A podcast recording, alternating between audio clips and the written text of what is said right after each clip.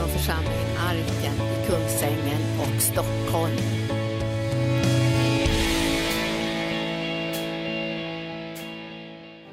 Åh, vi, är ett, vi är barn hos dig Fader, genom Jesus Kristus.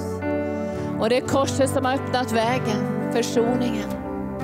Som har sonat all synd och försonat oss med dig.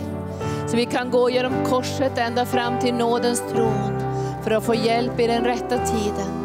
För att krafter och makter som har hållit människor fångna i fångenskap och brutenhet och maktkamp bryts vid korset. Så att det liv som du har gett oss genom försoningen ska kunna levas genom den heliga Andes hjälp. Och jag ber dig heliga Ande att församlingar i Sverige, Norden och över världen är frimodiga när det gäller evangelium. Att predika Jesus och korsets förvandlande kraft i både mäns och kvinnors liv och i samhället. För vi skäms inte för evangelium, för det är Guds kraft till frälsning för var och en som tror. För Jesus är vår vishet. Jesus är vår kraft, vår återlösning, vår rättfärdighet och vår helgelse. Och vi vill ära dig Jesus den här förmiddagen. Vi vill ära dig för allt du har gjort för oss genom din död och din uppståndelse och banat väg för hela mänskligheten att få del av ursprungsplanen som du hade innan syndafallet. Och därför vill vi predika korset och öppna vägen för människor att bli fria från alla ok och all förvirring och allt mörker som plågar människor ut över världen. Men jag ber om en frimodig ande i församlingarnas ledarskap, i alla ledare i församlingarna, församlingsmedlemmarna. Vi skäms inte för evangelium, för det är Guds kraft i frälsning som löser från bojor och band, från förvirring och mörker. Så kom heliga Ande och rusta oss så vi kan vittna, predika, berätta om vem du är och vad du har gjort för oss och vad du gör för oss och vad du kommer att göra i våra liv. För vi vet här att alla löften som du har gett Fader har fått sitt ja och amen i Jesus Kristus. Och därför finns all välsignelse som himlen kan ge i den älskade Sonen. Och vi tillber dig Jesus och vi älskar dig och vi älskar dig. Och vi önskar att vara levande vittnen för dig i den här orena världen, förvirrade världen. Så de ser att oken har brutits i Jesus Kristus för smörjelsens skull. Och det finns en väg tillbaka till Faderns hjärta genom korset. Och vi tackar dig Jesus för församlingen som nu kommer ut i ännu större frimodighet. För Herrens ande säger att frimodigheten den har med sig stor lön. Och Herren kommer att ge stor lön när ni blir frimodiga och flödar med den heliga Ande och berättar om Jesus, så kommer Gud och ger stor lön här i tiden, men också i evigheten. I Jesu Kristi namn. Amen. Halleluja, underbart att se er här idag. En del var med oss i Uppsala igår. Vi hade en fantastiskt möte faktiskt. Det var riktigt, riktigt bra. Men det var sista gången vi var på Victoria Hotel, för de har chockhöjt priserna så ingen, vi kan inte vara där någon längre. Det är verkligen chockhöjt, jag kan knappt säga hur mycket pengar de ska ha. Men vi hade ett fantastiskt möte igår. Men vi kommer att fortsätta i Uppsala och vi söker nu efter en billigare lokal, lite närmare centrum i Uppsala. Men det var riktigt, riktigt bra. Det var, mm, det var som man bara kände, halleluja, Guds kraftlördare. Förra veckan så var jag också i Norge hela veckan. Sportlovet tillbringade jag uppe och jobbade med Tom Roger Edvardsen. Och vi hade där en hel veckas konferens. Men det som imponerade mig där när jag var hos honom uppe på fjället, där på det, han har ju så stort turist, eller sånt där stort konferenscenter, det var att alla som var på den där seminarierna och konferensen var så, var så villiga att vittna. Alltså jag blev alldeles imponerad över att de bara sprang fram och alla ville vittna om vad Jesus hade gjort i deras liv. Och vi bad ju den där kvällen innan de var vittna, så bad vi ju säkert i tolv på, på natten. Och jag kände mig ganska trött när jag la mig för vi höll ju på att be och be och be för människor. Och sen på morgonen så skulle de få vittna. Och jag minns särskilt en man som, var, som hade tappat känseln i tårna. Helt, han hade ingen känsel alls i tårna. Och, och så bad vi för hans fötter. Och på morgonen så började han ju vittna och säga, jag har fått tillbaka känseln i natt. Och så gav han sitt vittnesbörd. Och så var det en kvinna som hade tror jag, sista stadiet i Parkinson som var så nerböjd så att hon, hon gick precis som den krokryggiga kvinnan. Och hon gick ju där och höll fast vid sin rullator för att inte falla omkull. På morgonen hade hon släppt, slängt bort rullatorn. Och jag tänkte vilken vacker kvinna, hon gick där rak och frimodig. Och det var mängder med människor som ville vittna om vad Gud hade gjort i deras liv. Och jag tänkte när jag hörde dem och såg dem att Gud befäste deras helande medan de vittnade. Alltså han befäste det han hade gjort i deras liv, det han höll på med i deras liv och slutresultatet hur det fullständigt skulle bryta igenom till helande. Och så satt en, en, en kvinna där i 40-årsåldern, väldigt vacker kvinna, väldigt fast av ut, väldigt fin utstrålning. Hon har ett väldigt vackert utseende också, så hon stack ut ganska mycket på grund av det. Och hon satt där och var jättevacker och, och prisade Herren och sjöng så vackert i anden också. Och sen så ville hon prata med mig och så sa hon, du vet inte Linda, så när jag var 12-13 år så var jag självmordsbenägen, jag ville ta livet av mig. För det var så jobbigt i livet. Men så fick jag tag på två kassetter av dig och jag lyssnade på dem dag och natt och blev helad. Du vet att det är många saker som du och jag aldrig får reda på, men visst är det kul när vi får höra det. Alltså när människor berättar för dig vad du har betytt. Det är inte alltid vi får reda på saker och det är väldigt sällan vi får reda på saker. Men, men i evigheten kommer vi bli förundrade. Att det betydde någonting att du gav ditt vittnesbörd. Det betyder någonting. Och det är det som jag ska predika om ikväll, det levande vittnesbördet, hur viktigt det är för att du ska bli befäst i ditt helande, så Gud kan fortsätta processen i ditt liv. Men vad det betyder också för tusentals människor att du ger ditt vittnesbörd. Att det får betydelse. Och sen att det ger en sån ära till Gud. Alltså det ärar Gud, det här vittnesbördet. Det lyfter upp Jesus och ger honom ära. Ja, jag tyckte det var så bra det du sa pastor Gunnar. Det var så jättevisst var det bra det pastor Gunnar sa. Och nu har ni fått säkert mycket kontakt, det pågår ju massor med saker i vårt samhälle. Man, man, hör det här genusbegreppet, har ni hört det? Och, och hen och det social, den sociala könsidentiteten. Men det man kan säga om det här, det är att världens människor och radikalfeministerna och allihopa, de har upptäckt ett ok de har sett någonting som gör att vi hålls tillbaka som män och kvinnor. Och de gör allt för att få bort det här oket. Visst är det så?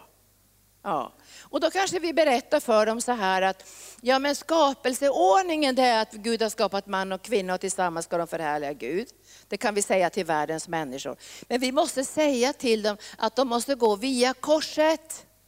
Därför är vi korset som alla ok och bojor och mörker och demoner och krafter har fått böja sina knän. Så vi har svaret på alla problemen, eller vad säger ni? Församlingen ska predika evangelium om Jesus Kristus. Genom korset så är alla de här krafterna och makterna och maktstrukturerna brutna så vi kan återvända till, till Guds ursprungsplan. Men det går inte att återvända till Guds ursprungsplan hur som helst. Man måste gå genom korset så mörkrets makter får böja sina knän. Så min uppmaning till dig idag, skäms inte för evangelium. Och skäms inte för ditt vittnesbörd om vad Jesus gör i ditt liv. Och vi ska börja titta på ett ställe, ja, ganska många ställen, men vi ska börja på ett ställe där där Jesus till och med säger till, till två blinda män att de inte ska berätta för någon. Matteus 9 och 27. Så står det så här, Matteus 9 och 27. Då, då, då står det att Jesus, det var två blinda män som följde efter Jesus och ropade, förbarma dig över oss Davids son. Men när han hade kommit hem så gick de fram till honom och Jesus frågade, de så här, tror ni att jag kan göra detta? Då sa de, ja Herre. Då rörde han vid deras ögon och sa, så som ni tror ska det ske. Och deras ögon öppnades. Jesus sa strängt till dem, se till att ingen får veta det här. Och det här kan man ju tänka, det här var ett bra ställe för då slipper vi vittna. Men jag ska säga er att Lärjungarna säger så här, vi för vår del kan inte låta bli att berätta vad vi har sett och hört. Varför säger Jesus det här till dem? Jo, det kan vi läsa sen i versen 35 där han säger att skörden är så stor och arbetarna är så få. Och han säger till lärjungarna, be skördens Herre att han sänder ut arbetare till skörden. För de här blinda männen nu som fick sin syn så står det så här, ja men de lyssnade inte på Jesus, de gick och spred ut ryktet om honom i hela området. De kunde inte hålla tyst de här männen. De berättade överallt vad Jesus hade gjort för dem. Och det står i Bibeln så att Jesus till och med fick gömma sig. Han fick gå ut i ödemarken därför folk trängde på, på all, från alla håll. Och han hade ännu inga medarbetare och inga som kunde ta hand om skörden. Och alla de som kom för att bli helade och upprättade av Jesus. Men nu är det en annan tid, halleluja. På den tiden hade Jesus först 12 lärjungar och sen hade han 72, men nu skickar han ut oss allihopa. Så det här gäller inte idag. Jesus säger, gå ut i hela världen och predika evangelium. Men det, det, är ändå en viktig sak det här, för vi lever i en tid nu där vi tror på att det kommer att hända saker, eller hur? Vi tror att människor kommer att komma och de kommer att vara precis som Jesus säger här, rivna och slagna som får utan herde. Och vi behöver en beredskap i församlingen. Vi behöver bereda oss och vi fick ju ordet, de som bad innan mötet sa, sätt ut tältpålarna, sätt ut tältlinorna. Alltså vi behöver vidga våra hjärtan, för det kommer att komma in människor genom vittnesbördet om vad Jesus är. Och jag är inte säker på att vi är redo om det skulle komma tusen nya människor. För på pingstdagen blir det 3000 frälsta på en gång. Alltså vi måste bereda våra hjärtan här inuti på församlingstillväxt. Och jag glädjer mig över det här, att människor ska komma från öster och väster och norr och söder. Och, och de ska ta med sig människor. Det gör ingenting om de gör hål i taket här heller. Det kan ju Nej, det får de inte göra, men vi får väl öppna äh, läktarna, vi får öppna sidobitarna här. Därför det kommer att komma så människor när vi börjar se i våra hjärtan hjärtan. Att vårt vittnesbörd har betydelse. Och det är det som jag ska tala om. Ditt vittnesbörd har betydelse. Ditt vittnesbörd är viktigt därför att ditt vittnesbörd förhärligar Gud. Ditt vittnesbörd sätter Jesus på kartan. Och det står, du, vi ska inte slå upp det här men men, men det står så här att det var tio stycken spetälska män som, som blev helade av Jesus. Men det var bara en som kom tillbaka och prisade Gud. Alltså tio stycken blev helade och en enda kom tillbaka och gav äran till Jesus. Och det är därför det är så jätteviktigt, när Herren rör vid dig och mig, så behöver vi ge äran till Jesus och återvända till Jesus och ge honom äran och säga, tack Herre för att du har helat mig, tack för att du har rört mig, tack för att du har berört mitt innersta, tack för att du har helat mig. Det ger äran till Jesus och det händer någonting i andevärlden. När du ger äran till Jesus så händer det någonting i andevärlden. Det börjar där vänner. Att vi ger äran till Jesus först. Vi kommer till Jesus, tackar honom och då kanske inte andra hör att du vittnar och ärar Jesus för ditt helande eller något annat område som han har hjälpt dig med. Men det händer något i andevärlden, därför att då får andemakterna böja sig. Krafterna får böja sig, sjukdomarna får böja sig, fattigdomsandarna får böja sig. För det börjar med att du och jag ärar Gud. Vi återvänder och säger tack Jesus, det är du som har gjort det här. Det är du som har gett mig bönesvaret, det är du som har rört vid mitt liv. Det börjar där och utifrån att du och jag tackar Herren så får vi en smörjelse och en drivkraft på insidan att vittna för andra om vad Jesus Kristus har gjort i våra liv.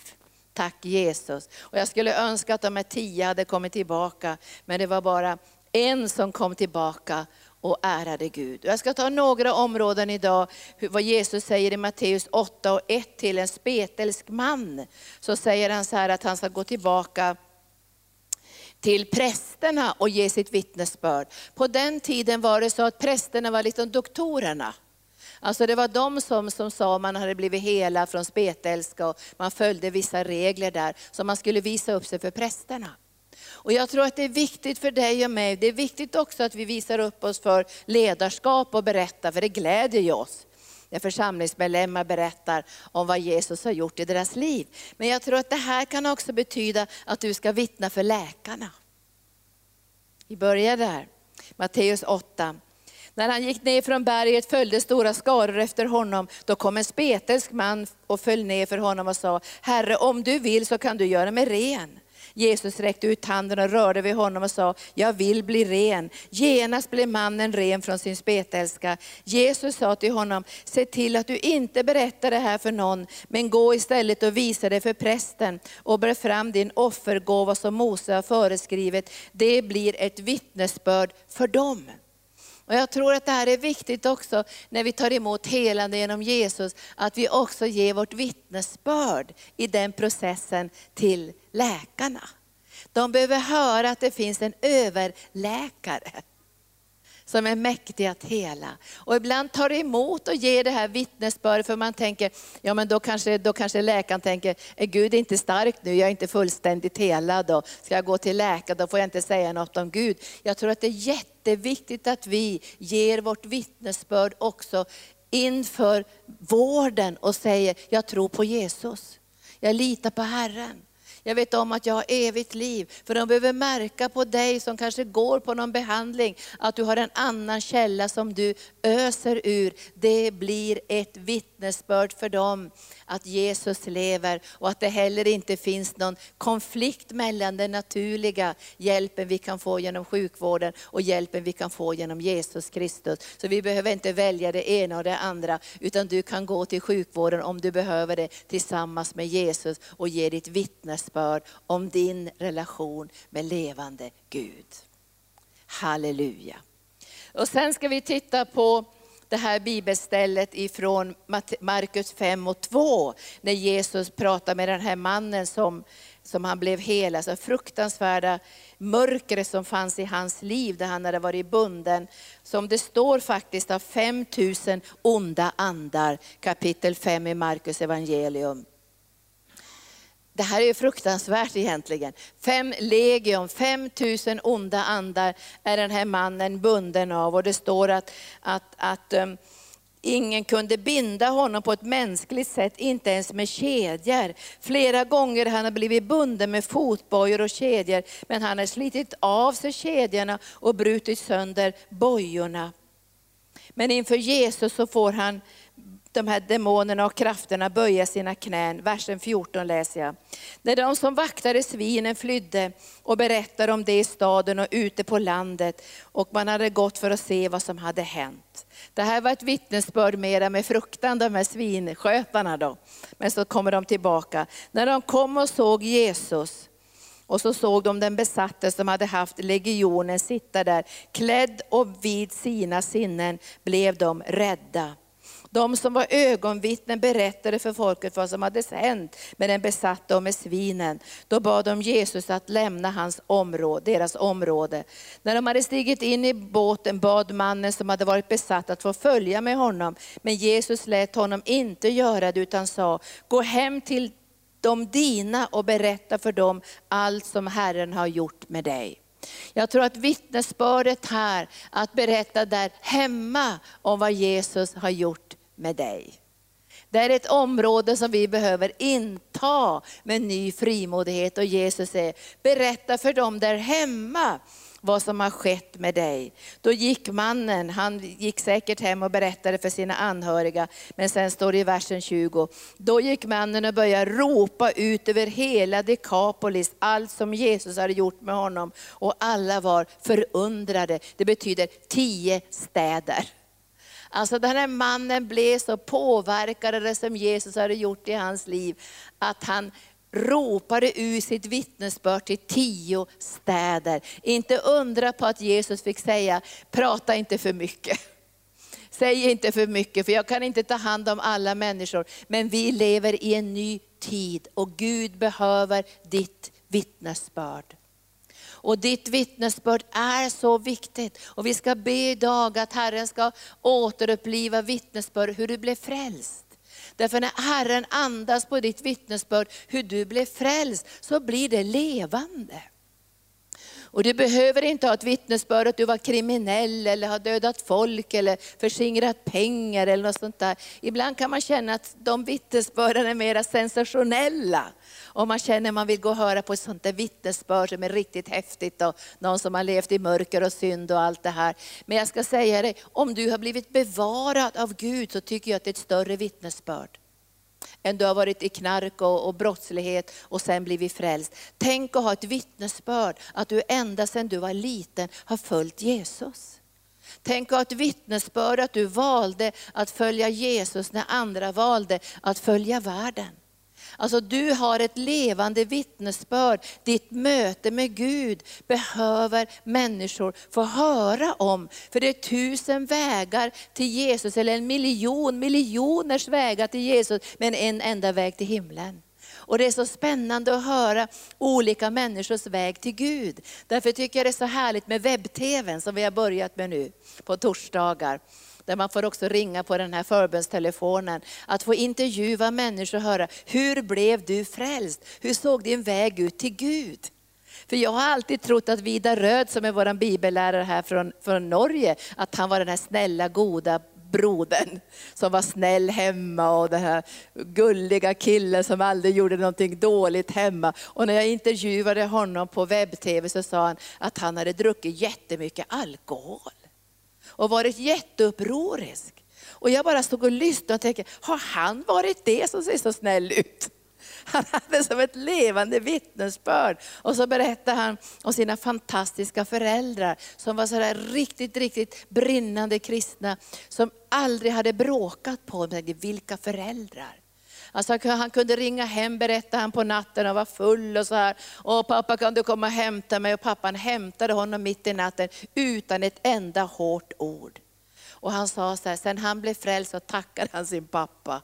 Hur kan man ha så fina föräldrar? De flesta skulle inte klara av det. Men så berättade han, han hade en skolkamrat som var annorlunda.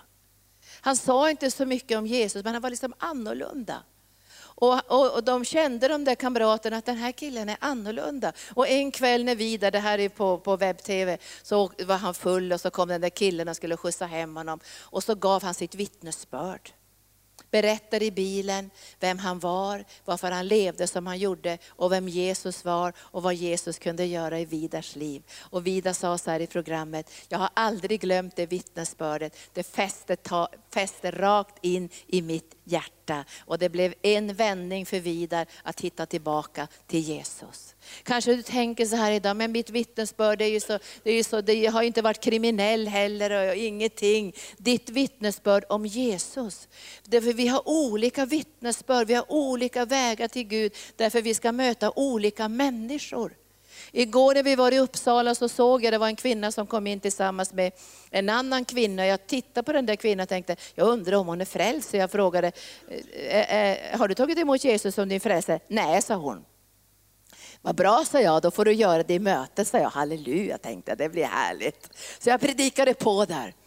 Och, och, sen så tittade jag att hennes ansikte förändrades under tiden jag predikade. Och när mötet var slut så gick jag upp och frågade henne, hur har, hur har du gjort nu? Sa jag, Tog du emot Jesus nu som jag sa under predikan? Ja, det har jag gjort, sa hon. Det har jag gjort, sa hon tog hon emot Jesus som sin frälsare. Och så var det en jätteliten gullig kille, kanske var 13 år, med Downs syndrom, som satt där med stora öron, sådana här skydd för han hade ont i öronen. Och så kom han fram och jag kunde knappt höra vad, vad han sa. Men jag sa till honom, så här, nu ska Gud fylla dig med den heliga ande. Och nu ska du få tungotalet, så du ska få bli ett levande vittnesbörd hur Gud kan använda en ung pojke som älskar Jesus. Och Guds ande bara puh, slog in i den här killen och jag bara såg hur Guds kraft flödade i den lilla killen. Vi tog bort de där hörselskydden från hans öron. Och så kom han fram när mötet var slut och sa, pastor Linda kan du lyssna, talar jag bra i tungor?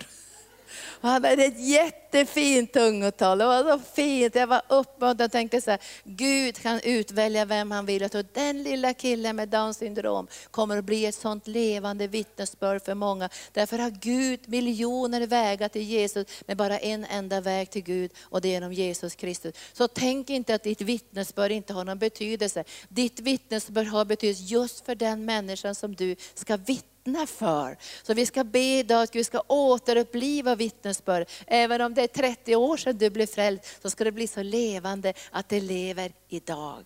Och sen ska du få vittna om vad Jesus har gjort i ditt liv, vad han gör i ditt liv och vad du förväntar dig att han ska göra i ditt liv. Eller hur?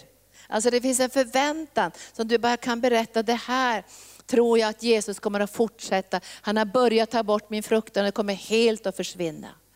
Och på webb-tv, jag var så gripen med när våra fina elever fick berätta om social fobi och hur Gud hade helat henne. Vet du, det, det är så fantastiskt att höra vittnesbörden. De här levande vittnesbörden om Guds förvandlande kraft. Det har betydelse.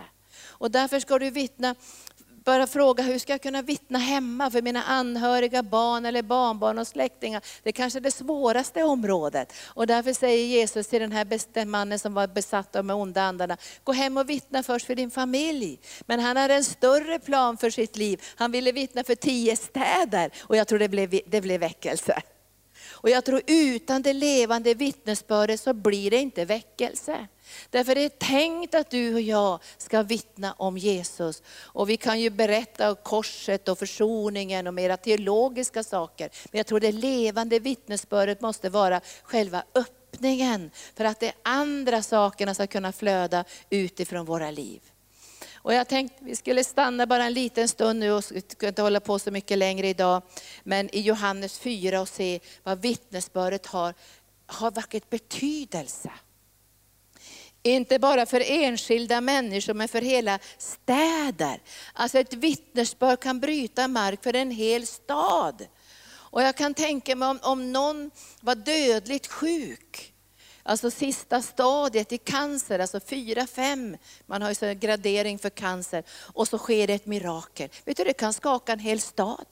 Det kan skaka en, en, en, en helt sjukvård det vittnesbördet om Guds ingripande i ditt liv eller i någon annans liv. Och därför får vi inte hålla inne med vårt vittnesbörd. Och den här kvinnan i Johannes evangelium kapitel 4, Jesus han, han, han, när han möter sina lärjungar så talar ju han om skörden.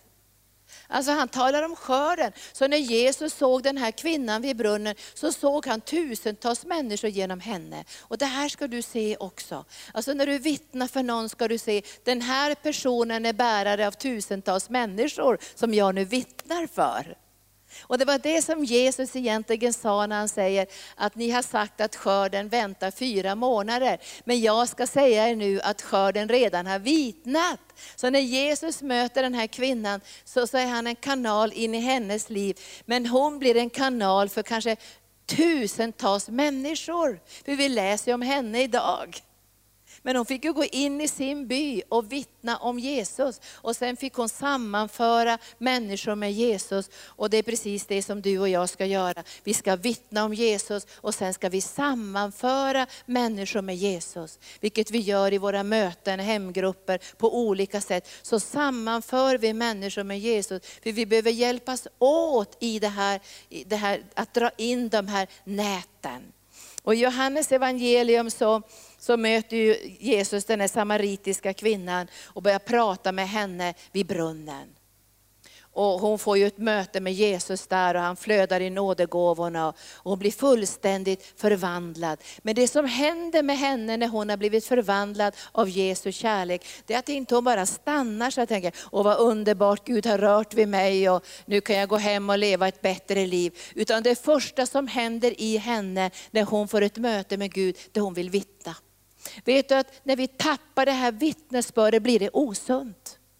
Det blir bara jag och Gud och mitt och mina behov och allt det. Det blir osunt och jag predikar tidigare om den här gölen. Alltså en samling av vatten som inte har ett utflöde. Det går inte att dricka det vattnet. Därför det sunda är, när du blir mött av Gud så ska du känna, det här måste jag vittna om. Och ibland blir det jobbigt när man ska vittna överallt. Man, fort man öppnar mun vill man säga något om Jesus, men det är helt sunt. Det är mindre sunt när du och jag slutar vittna om Jesus. När vi inte berättar om det här personliga mötet med Jesus, vi börjar dölja det. Vi vill bli fina i kanten. Vi pratar hellre om värdegrunder, eller lite politik eller lite andra saker. Vi vill hålla nere det här för vi vill inte liksom skämma ut oss i det här vittnesbördet. Därför vittnesbördet, det levande vittnesbördet, det sätter också en standard i anden, eller hur? Det sätter en standard i anden. När mörkrets makter får böja sina knän. Och Det är därför jag tror att det här levande vittnesbördet har en sån betydelse. Att vi är tydliga med vårt möte med Jesus. Visst är det viktigt det här? Sen kan vi ju hitta tillfällen när vi, när vi kan säga något om Jesus och andra tillfällen kanske vi inte kan säga någonting då, men vi kan i alla fall ha en bön i våra hjärtan. Ge mig ett tillfälle när jag får ge det levande vittnesbördet om Jesus. Vi satt och pratade, Mia Kristensen och jag häromdagen, och hon var ju bara 16 år när den stora väckelsen kom på Fjällstedtska skolan i Uppsala. Och många ledare idag som, som är i 50-60 års åldern idag blev frälsta just i den här stora väckelsen. Och vi satt och pratade om det, vad var det som gjorde att anden kunde falla? För vi hade fått en ledning från Gud, det var jag och det var en kille som jag hade vunnit för Gud och så var det en, en kille som hade varit narkoman. Och vi bara fick en ledning från Gud att vi skulle fråga rektorn på Fjällstedtska skolan om vi skulle få komma och ge vårt vittnesbörd. Och jag var alldeles nyfrälst och jag kunde inte så mycket om Bibeln, men vi hade en kärlekssmörjelse som brann i våra hjärtan och vi ville ge personliga vittnesbörd om vad Jesus hade gjort i våra liv. Och jag, kommer, jag kan än komma ihåg den där kvällen. Jag tror det var mellan 80 och 100, 100 ungdomar som kom till den där aulan för att lyssna till oss. Och jag kommer ihåg att jag läste en, började läsa en dikt av Ylva Häggehorn som heter Jesus älskar dig. En lång dikt om Guds kärlek där, det stod, där, där hon skrev så här, det är allt, det är för mycket, Jesus älskar dig. Och så gav vi våra enkla vittnesbörd om Guds ingripande och förvandlande kraft i våra liv. Och inför våra ögon föll Guds ande. Alltså Guds ande föll över de här ungdomarna. Så vi bara stod där och tänkte, vad är det som händer? De föll på golvet, de rullade under Guds kraft. De talade i tungor, de profeterade. Alltså det var en sån våg av eld som kom över dem. Och Mia berättade att de knappt kunde ha lektioner på flera månader, därför att alla ungdomar ville tala i tungor och prisa Gud på lektionstid. Och det blev en väckelse som har gått i historieböckerna. Guds ande genom det levande vittnesbördet. När jag höll på att bli frälst, jag blev ju inte frälst då i Mikaelskyrkan, men de är två ungdomarna som, som sa till mig, stanna kvar sa de. Då diskuterade inte de teologi med mig, de gav sitt vittnesbörd. Den ena hade varit i, varit, var en, en kille som hade varit eh, kristen i barndomen men tappat bort det här efter vägen och nu har han vänt tillbaka till Gud. När han vittnade, jag ska säga, när han vittnade om sitt liv och hur han hade återvänt till Jesus, så var det som att den heliga ande tog en jättepensel och målade Jesus. Och jag sammanfördes med Jesus och jag hade inga argument. Därför det levande vittnesbördet går inte att argumentera emot. Visst är det så? Det var bara som en stor pensel. Och här på insidan kände jag liv eller död, helvete eller himmel. Och jag hade inte ens läst någon bibel överhuvudtaget. Men det var som att anden bara målade. Och den andra killen hade varit narkoman och hållit på med hash och droger. Och han berättade hur Jesus hade fullständigt befriat honom. Och hans vittnesbörd slog in i mitt hjärta. Jag visste inte om jag skulle svära eller gråta eller vara oförskämd. Men, det, men som att det var som att Gud tog en jättepensel och målade Jesus för mina ögon. Och där började min vandring mot frälsningen. Det levande vittnesbördet. Och den här kvinnan då i Johannes 4, när hon får bli förvandlad av Jesus, då går hon ut i byn och berättar och säger, han har sagt allt om mig. Det är personligt. Han har sagt allt om mig. Och hon berättar vad han har sagt och vad hon har gjort. Och det blir ett personligt vittnesbörd, ett levande vittnesbörd som griper så de här människornas hjärtan i den här byn. Så de, de, de blir troende utan att egentligen ha mött Jesus. De har mött hennes vittnesbörd. Och sen sammanför kvinnan dem med Jesus och de följer med henne till Sykars brunn. Och så säger de, nu ska ni få möta honom, nu ska ni få själv ta ställning. Och det här är viktigt också att vi kan ta med människor till församlingen. Vi är det det? Att, att vi får hjälpas åt i de här processerna och bygga också församlingen så det ska bli lätt att möta människor som ännu inte är troende och hjälpa dem att ta det steget och ta emot Jesus som sin frälsare. Ditt personliga vittnesbörd. Och jag ska be för det, hur du blev frälst är det, är det första vi ska be för nu. Att det ska få bli levande. Du ska säga, jag måste få berätta hur jag blev frälst. Dela det. Och, och vi, vi, ber nu, vi ber nu bara en kort bön här nu, att det här vittnesbörd. Hur blev du frälst? Hur såg vägen ut till din frälsning? Vad hände i ditt liv? Vilket mörker tog han dig ifrån? Vad var det som du kämpade med? Jag ber dig nu heliga Ande, att var och en här idag ska få återuppliva sitt vittnesbörd om hur de blev frälsta.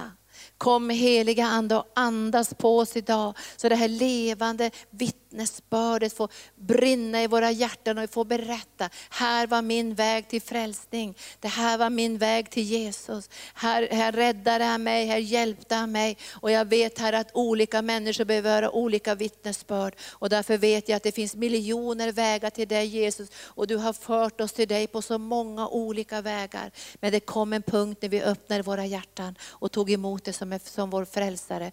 Och du öppnade vägen till himlen genom dina sår. Och jag ber dig nu heliga Ande, låt vittnesbördet brinna. Låt vittnesbördet brinna. Låt det återupplivas på insidan. Hur var och en blev frälst här i församlingen. Hur alla gäster som är här blev frälsta. Stegen som de tog för att möta dig som sin frälsare och kampen på insidan.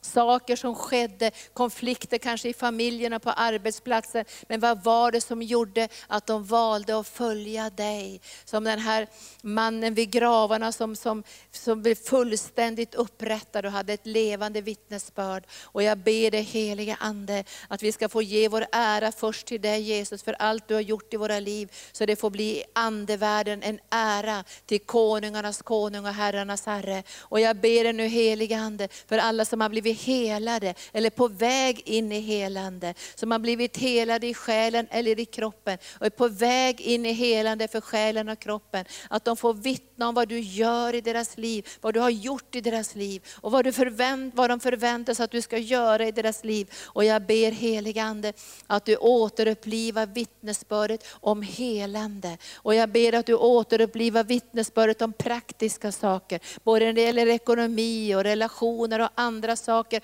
Att du återupplivar vittnesbördet, så vi har ett levande vittnesbörd alltid redo i våra hjärtan. För jag vet Herre, att människor längtar efter ett levande vittnesbörd. De längtar att höra om vem du är. De längtar att höra om din kärlek. Så kom heliga Ande och så andas du på oss den här förmiddagen. Så att vi under den här veckan blir beredda att ge vårt vittnesbörd. Att vi ber om tillfällen att få vittna. Att du öppnar dörrar för oss så vi kan få vittna. Att du bereder utrymme för oss att få vittna på vår arbetsplats, var än den är. Så vill vi vittna om det levande mötet med dig Jesus. Och jag ber dig helige Ande, att du ska komma med din stora pensel och du ska måla Jesus för de här människornas ögon, så de ska få en mötesplats med dig. För skörden har redan vitnat och människor måste bärgas för evigheten. Och jag vet Herre att ett, ett av de kanalerna som du använde allra mest Jesus, det var det levande vittnesbördet. Och nu behöver du inte säga till oss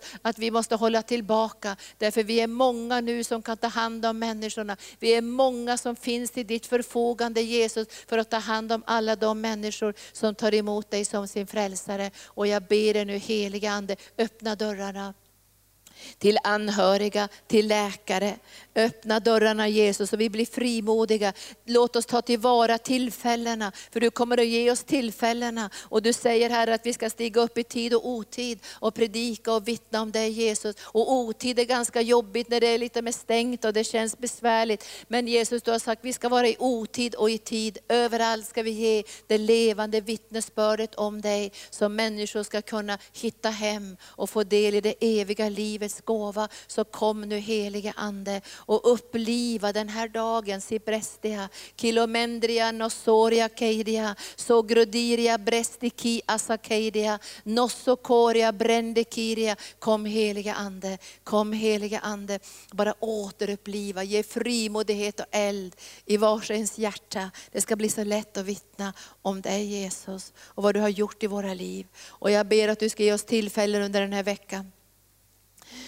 att vi också ska kunna vittna för människor inför Jesus helar och upprättar. Att de ska kunna komma, sitta vid dina fötter och ta emot din helande kraft. Ge oss, ge oss uppenbarelse och ljus över alla goda ting du har gjort i våra liv. För ditt ord säger, glöm inte vad gott jag har gjort. Och många gånger kan vi glömma allt det goda som du har gjort Gud. Men idag, sikedia Pronoria, Sentia, så återupplivar Gud i ditt hjärta allt det goda som han har gjort för ditt liv. Att du kommer att ha vittnesbörd inom livets alla områden. För Gud har rört vid ditt liv på mängder med områden som du till och med har glömt bort idag. Men han ska återuppliva och påminna dig om allt det goda han har gjort i ditt liv. Så du ser vilken förändringsprocess, vilket mirakel han har gjort i ditt liv. Hur han har förvandlat och rest upp dig och löst dig från bojor och band. För du gick till korset. Kom heliga Ande, Resokoria, Mensikiria. Bara ta emot från Herren nu. Låt den heliga Ande få verka i ditt liv. Så du bara känner att du blir stolt stolt över Jesus,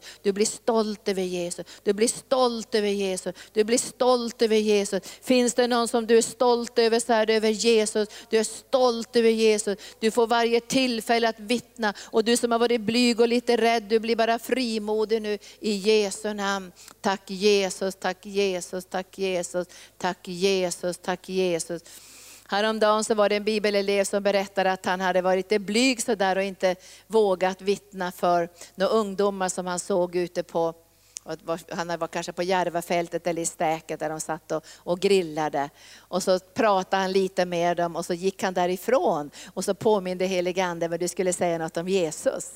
Och så började han gå tillbaka men han var lite blyg och så här. Och då var det som att Gud bara hade berett marken och så att ungdomarna sa, kom och sätt dig här.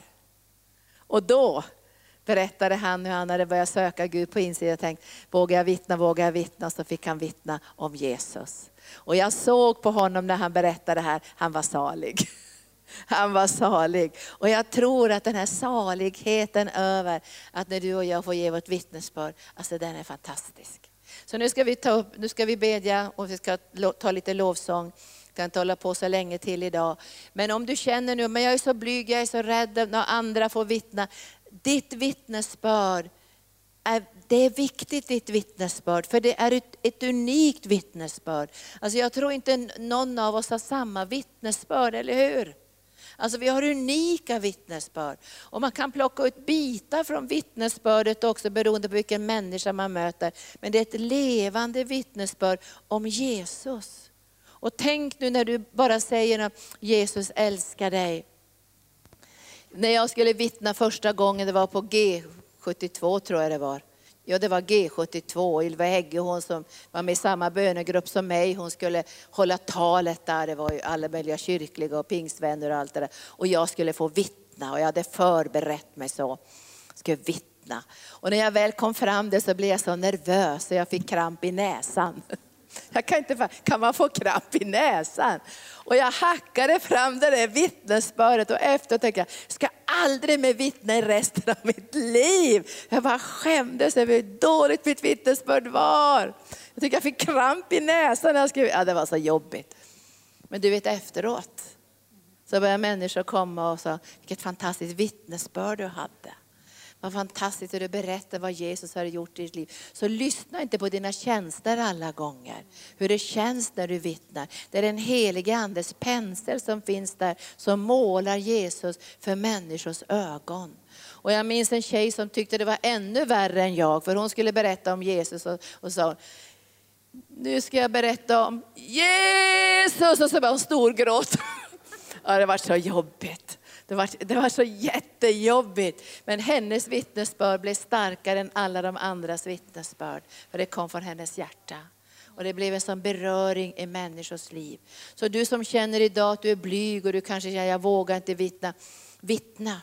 Därför att det handlar inte om dig och mig, det är Jesus som träder fram. Och så kommer den heliga Ande med den jättepenseln. Och är du nu här idag eller ser mig också via internet eller TV och du inte har tagit emot Jesus som din frälsare, det är så lätt. Visst är det det? Det, det är Jesus som har gjort den svåra delen, vi får göra den lätta. Och Gud kommer med den mest fantastiska gåva och säger, vill du ha den här gåvan? Som pastor Gunnar sa, evigt liv, frihet från sjukdom och fattigdom, det är evangelium. Och det enda du behöver göra nu är att säga ja. Det är ju alldeles för lätt det här, eller hur? Och när man väl har tagit emot Jesus tänker man, åh gode Gud, jag hade bäst att få göra bättring först. Jag hade velat göra snyggt hemma här inne menar jag, innan Jesus kom in i mitt hjärta. För det första jag kände när jag blev frälst var, gode Gud, han kommer att flytta ut när han ser hur risigt det är på insidan. Smutsigt, jag har inte hunnit göra upp med synder och ingenting. Och så tog jag emot Jesus. Och jag tänkte nu kommer han att säga på en gång, det här gillar jag inte Linda, det här får du sluta med, det här får du göra upp med. Men det första jag hörde på insidan när jag blev frälst det var, Linda, jag älskar dig. Det förvandlade hela mitt liv. Så nu ska du ta emot Jesus. Så är du här idag som inte har tagit steget, halleluja. Det var kul att se den här kvinnan igår. Först satt hon så här på, på kant så här, ni vet man sitter lite på kant så här. Och jag såg att hon undrade, vad är det här för någonting? Men efter ett tag så kom ljuset. Och så frågade jag idag, Nå, hur går det? Tog du emot Jesus? Ja, jag tog emot Jesus. Så nu ber vi för dig att du får öppna ditt hjärta för Jesus. Och jag tackar dig Herre för frälsningens mirakel. Att vi kan säga ja till dig Jesus. Just idag den här förmiddagen på arken kan vi säga ja till Jesus. Därför att han har gjort allting möjligt för oss. Han har banat väg genom korset, försoningen, döden, uppståndelsen. Sitter nu på Faderns högra sida och ber för oss. Och därför ber jag nu Herre att mina syskon eller blivande syskon som sitter där ute kanske i mörker och förtvivlan, att de ska få öppna sitt hjärta just nu och ta emot det som sin personliga frälsare. Du knackar på varje hjärta, du knackar på hjärtan som ännu inte är öppnade. Du står på utsidan och knackar, får jag komma in? Och vi säger Herre nu, ni som ännu inte är frälsta, bara säg jag tar emot dig Jesus som min personliga frälsare i mitt hjärta.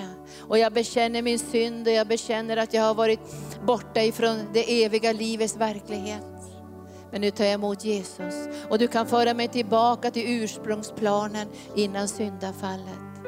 Och jag tackar dig Herre för de som vill förnya idag sin frälsningsupplevelse som kanske har tappat någonting efter vägen. Bara rör vid dem den här förmiddagen så de ska känna att de kan vara frimodiga. För du har varit så god emot dem. De kan till och med vara frimodiga över att de har varit i främlingsland men de har vänt tillbaka. De förlorade frälsningsvissheten men nu har de fått den tillbaka. Det finns ett vittnesbörd, säger Herrens ande, som någon där ute behöver. Det finns ett vittnesbörd som någon där ute behöver. Just det som du har i ditt hjärta kommer att vara nyckeln för en människas evighet. Så låt inte mörkrets makter hindra dig. Låt inte tankar om att du inte talar något bra eller att ditt vittnesbörd inte duger. Och vi böjer de tankarna och de negativa tankarna under namnet Jesus. Och nu upplivar vi, låt det bara flöda, vi är så stolta över Jesus.